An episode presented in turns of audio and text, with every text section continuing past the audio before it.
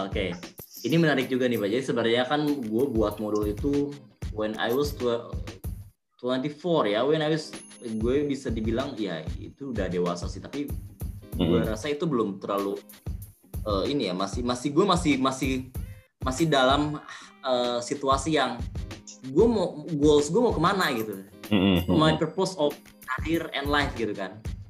Ya. Nah, pas waktu gue bikin modul itu itu based on ini sih kayak gue ngerasa bahwa kenapa sih eh,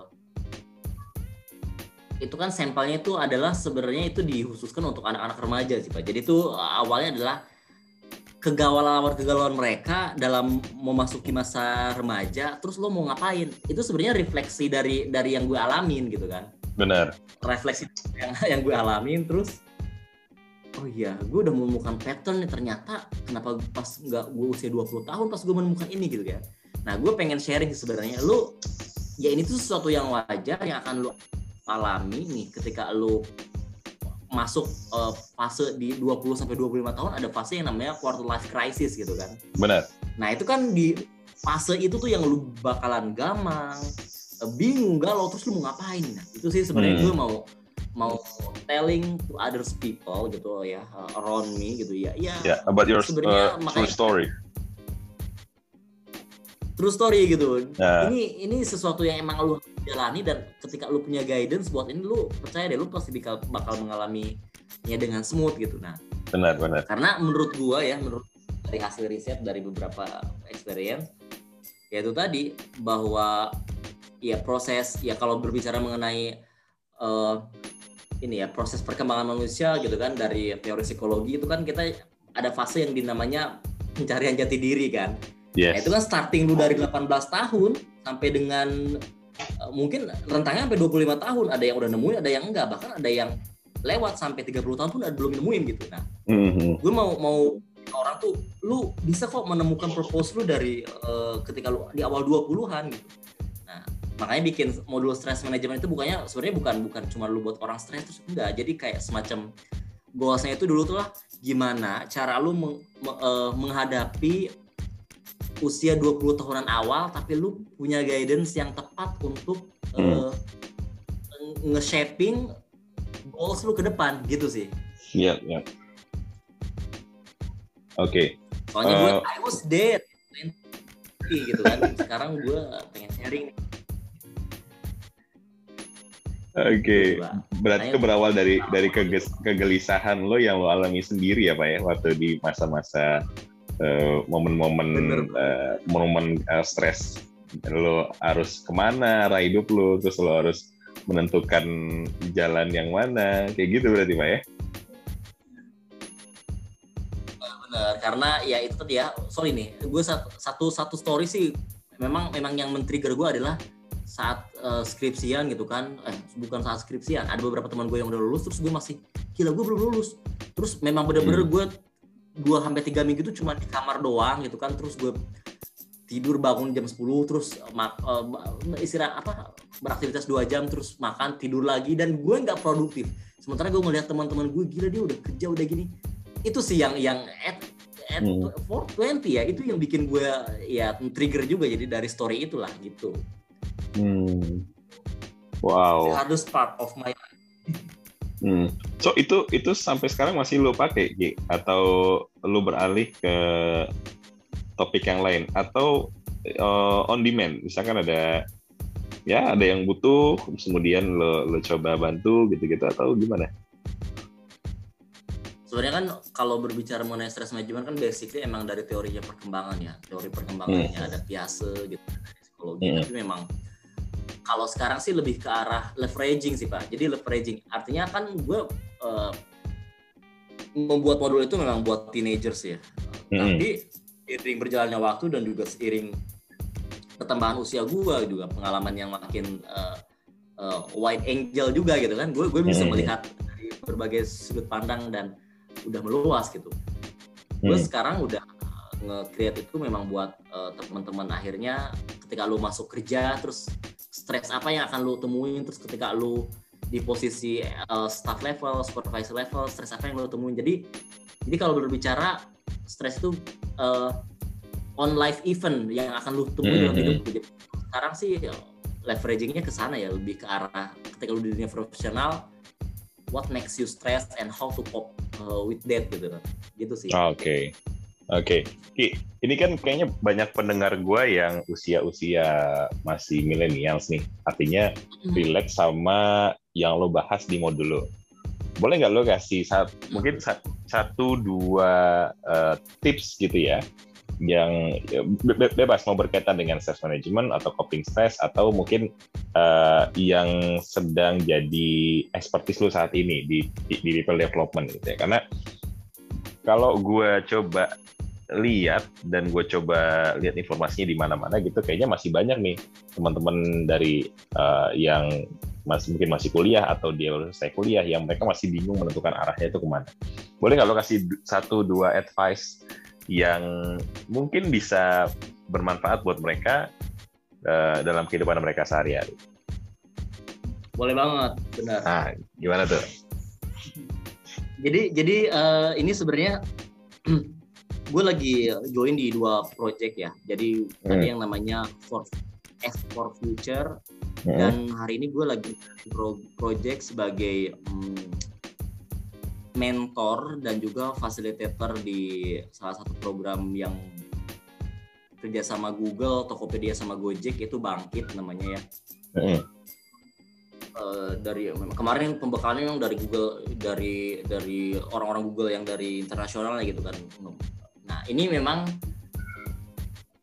relate banget menurut gue, ini. menurut relate banget sama memang eh, terkait dengan di teman-teman yang memang sekarang mungkin ya memang karena usia-usia yang labil itu adalah ketika mereka transisi nih antara Hmm. gue uh, uh, apa ya life after graduate gitu ya selalu lulus lu mau ngapain sih gitu Benar, benar, benar. apalagi dari college gitu kan. Nah nah ini mungkin bisa diaplikasikan juga buat teman-teman. Kemarin kita sempat kumpul lagi di sekitar ada 300 volunteer gitu 300 volunteer yang handle 3000 siswa pak se Indonesia Hmm. 3000 siswa se Indonesia gitu kan dan dan ada satu sih. Jadi kalau misalnya berbicara dari nge-extract experience gue nge-extract terkait dengan modul gue pertama sih kalau memang berbicara ketika teman-teman meyakini sesuatu bahwa teman-teman mau naik level gitu masuk ke ranah profesional gitu karena kan pasti nih eh, ya teman-teman yang di eh, college sekarang semester akhir apalagi tengah pandemi gini pak beneran Mhm. ini beneran ini the hardest part buat mereka pak ya suffer Benar. banget Benar, parah sih. ya gue nggak bisa ngebayangin sih saat gue mungkin dulu apa, ada di situasi ini ya ketika gue lulus corona gitu. Wah gila. Gue nggak gue nggak tahu sih. Tapi eh, itu itu pembelajaran banget. Gue yakin pasti ada sesuatu yang teman-teman yakini eh, itu Hmm. bisa banget naikin value teman-teman. Jadi memang kalau misalkan berbicara mengenai di sini di era sekarang nih ya konteksnya memang karena kan harus harus teman-teman aplikasiin juga gitu di di eh, nowadays gitu hari Benar. sekarang itu menurut gue ketika teman-teman mau naikin value itu nggak lepas dari yang namanya proses digital branding sih pak kemarin gue dapet branding. dapet Oke. tips dari eh, digital branding dan how to sell yourself itu dari CEO-nya CEO-nya Caliber Oh, iya iya. ya kayak semacam job street kayak semacam jobs DB gitu jobs Hmm, inilah hmm, hmm. kayak Glints gitu kan nah memang digital branding itu it works gitu ya jadi makanya kemarin gue selalu bilang bahwa ada ada eh, ahli personal branding juga ya gue lupa namanya dia bilang bahwa ya sekarang kan sosial media itu adalah udah udah nge-shaping dan juga udah udah udah mengidentifikasi siapa diri lo gitu ya Benar. makanya gue sama teman-teman yang memang yang lu sekarang tuh ada di eranya brand lu tuh di dunia digital gitu jejak lu tuh nggak akan bisa hilang dan selalu tracking gitu makanya penting banget nih kayak misalkan ya ketika lu mau tahu kepribadian orang lu cek media sosialnya lu cek twitternya lu Hmm. cek facebooknya gitu kan Hmm, hmm, hmm. Ya kan orang eh, lu ketahuan lu ngeluh tuh lu ketahuan gimana lu sering eh, galau-galau lu melo orangnya berarti melankolis ini lu ketahuan banget berarti bisa Hmm, hmm. Benar, benar. ya beberapa rekruter yang uh, multinasional company gitu ya tracking ke media sosialnya gitu.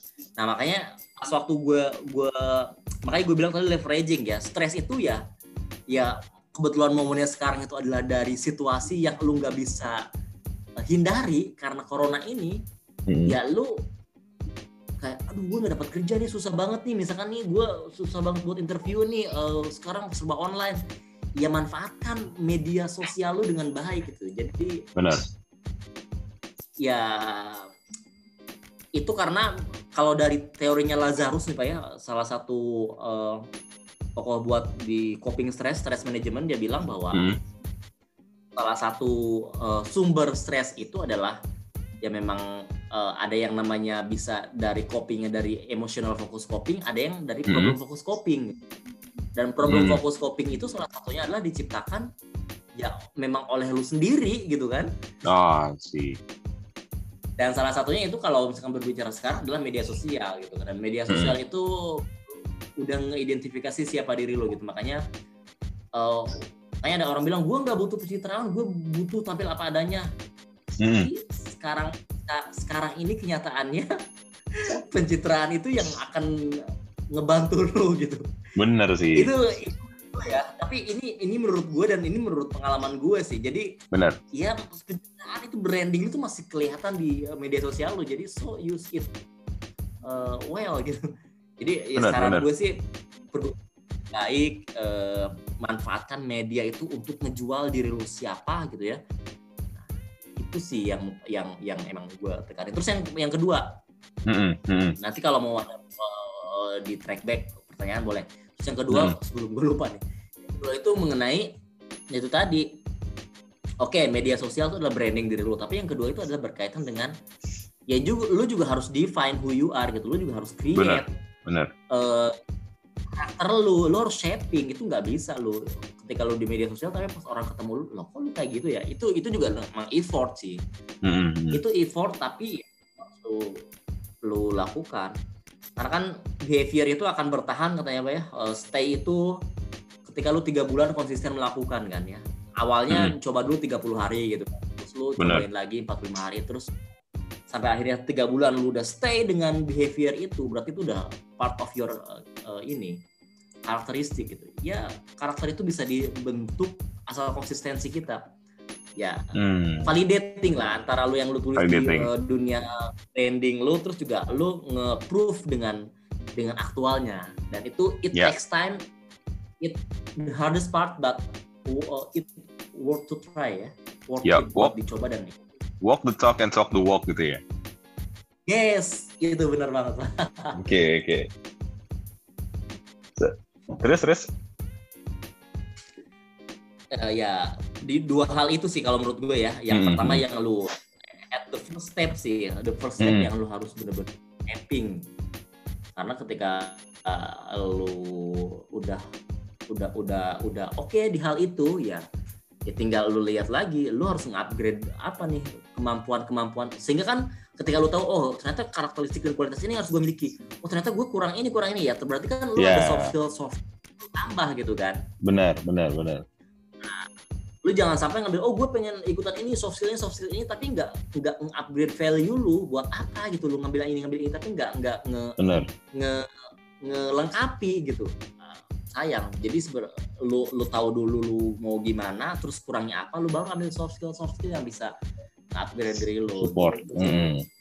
Oke, okay. gua gua sangat sangat sepakat dengan apa yang lo sampaikan gitu ya. Kalaupun misalkan ada beberapa dari teman-teman yang bilang, wah ya gue pokoknya jadi diri gue sendiri aja di sosial media, ya gue lagi sesuka hati gue dan segala macam.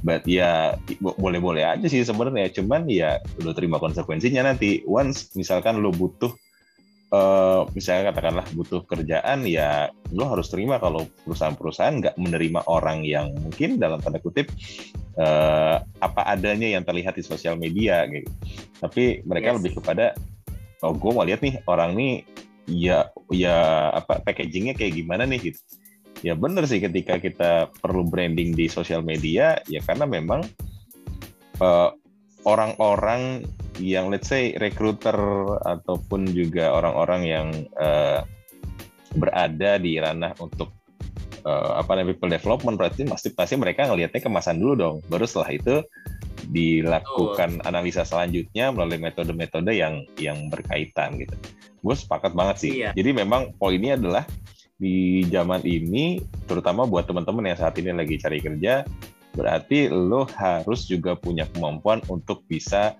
self branding betul gitu ya? banget ya? self hmm. benar hmm. ya ini ini juga gue nggak not only by my experience tapi gue juga join di grup uh, jadi di ada satu grup HR namanya hmm. HR millennials aja grup hmm. itu adalah kumpulan para uh, uh, HR HR di perusahaan-perusahaan hmm. yang ada di Indonesia tapi yang yang range usianya under 30 oke. Okay dan kita sering sharing di sana. Lu kalau ngeliat kandidat dari apa ya gue nggak nggak nggak nggak nutup mata. Nah sosial media masih gue tracking dan itu almost 80% oh ya? Jadi ya But, ya, so this is the clue for everyone who needs uh, find a job ya bro? Uh, iya pak. oke. Okay. oke okay, gila. Nih ini ini menarik banget. Jadi bilang ya gue agak malas juga sih kalau misalkan gue ngerekrut orang tapi dia nggak oke secara ini. Tapi ada juga rekruter kayak oh ini dia nggak ada link innya ya udahlah gue nggak akan uh, proses gue malas. Nah itu loh. Maksud gue hmm. opportunity harus kita ambil. Ya walaupun itu bukan jadi patokan utama ya kan? Jadi walaupun itu bukan jadi patokan utama ah, okay. tapi itu sometimes ketika lu memang memang orang lain ya rekruter kan uh, selera ya rekruter selera gitu kan Dan ya lu provide aja semua selera mereka. Lu yang diambil yang mana ya terserah mereka. Tapi lu punya semuanya gitu lengkap gitu. Yoi. Ya, nggak mungkin kan kalau misalnya recruiter lagi cari supervisor uh, dengan level tertentu, terus kemudian lu uploadnya di let's say di LinkedIn tuh gambar-gambar lu lagi jadi anak pang gitu kan. Gak mungkin nah, juga kan. Iya, iya. gitu ya. Mm -hmm. Bahkan lihat tuh Facebook Facebook lu bisa di tracking lah foto-foto zaman yes. lampau ya. Benar, benar, benar, benar. Wow, wow. Berarti masih masih bisa dibilang masih make sense ya bro ketika kita mungkin lagi mencari pekerjaan atau kita lagi membangun karir gitu. Itu salah satu indi apa? Salah satu hal yang harus kita perbaiki juga dari self branding kita di sosial media berarti ya. Betul, salah satu hal wow. yang harus lu perbaiki karena itu masuk dalam ranah attitude ya. Kalau uh. mau, mau nyaman, mau sumpah serapa lu lebih baik bikin second akun deh gitu kan. Bener. Bener bener bener bener bener. Iya sekarang kan banyak banget yang kayak gitu coy. Uh, eh, gue pokoknya ya jadi diri gue sendiri aja yang yang suka-suka gue yang pokoknya uh, ya ya udahlah gue maunya begini ya apa adanya gue gitu. Tapi ketika nanti di ya. momen ketika mereka membutuhkan untuk mencari pekerjaan nah pusing gak lo Iya, betul gitu. banget. M maksud gue kalau kalau lu udah oke, okay, lu lu nggak perlu lu ini banget dan orang juga bakal ngebeli lu apa adanya yang bodoh hmm. amat. Tapi kan lu aktualnya kan nggak kayak gitu. Lu kan bukan Gofar Hilman atau Nikita Mirzani dong. dan dia juga bangunnya udah lama kan, bro. Maksudnya ngebangun brandingnya dia sendiri karena memang eh, apa namanya pertama udah lama dan dia punya expertise di bidang yang spesifik pasti kan. Bener nah banget. kita nggak bisa. Ya, mereka sekarang kayak uh, semaunya ya. Mereka juga dulu suffer kali buat ngebangun suffer. Itu, sekarang mereka udah di top gitu ya. Benar. Kalau jangan nge iya. model ke sana. Ya, ya mau mau ikutin juga ya monggo aja gitu. Cuman lu siap nggak buat terima konsekuensinya gitu kan? Bener. Wah, Gila Ki, menarik banget nih obrolan uh, kali ini sama lo gitu. Sebenarnya ada banyak banget hal yang pengen masih gue obrolin sama lo Ki. Karena uh, pengalaman hidup lo, terus juga pengalaman profesional masih banyak banget kayaknya yang bisa di-share.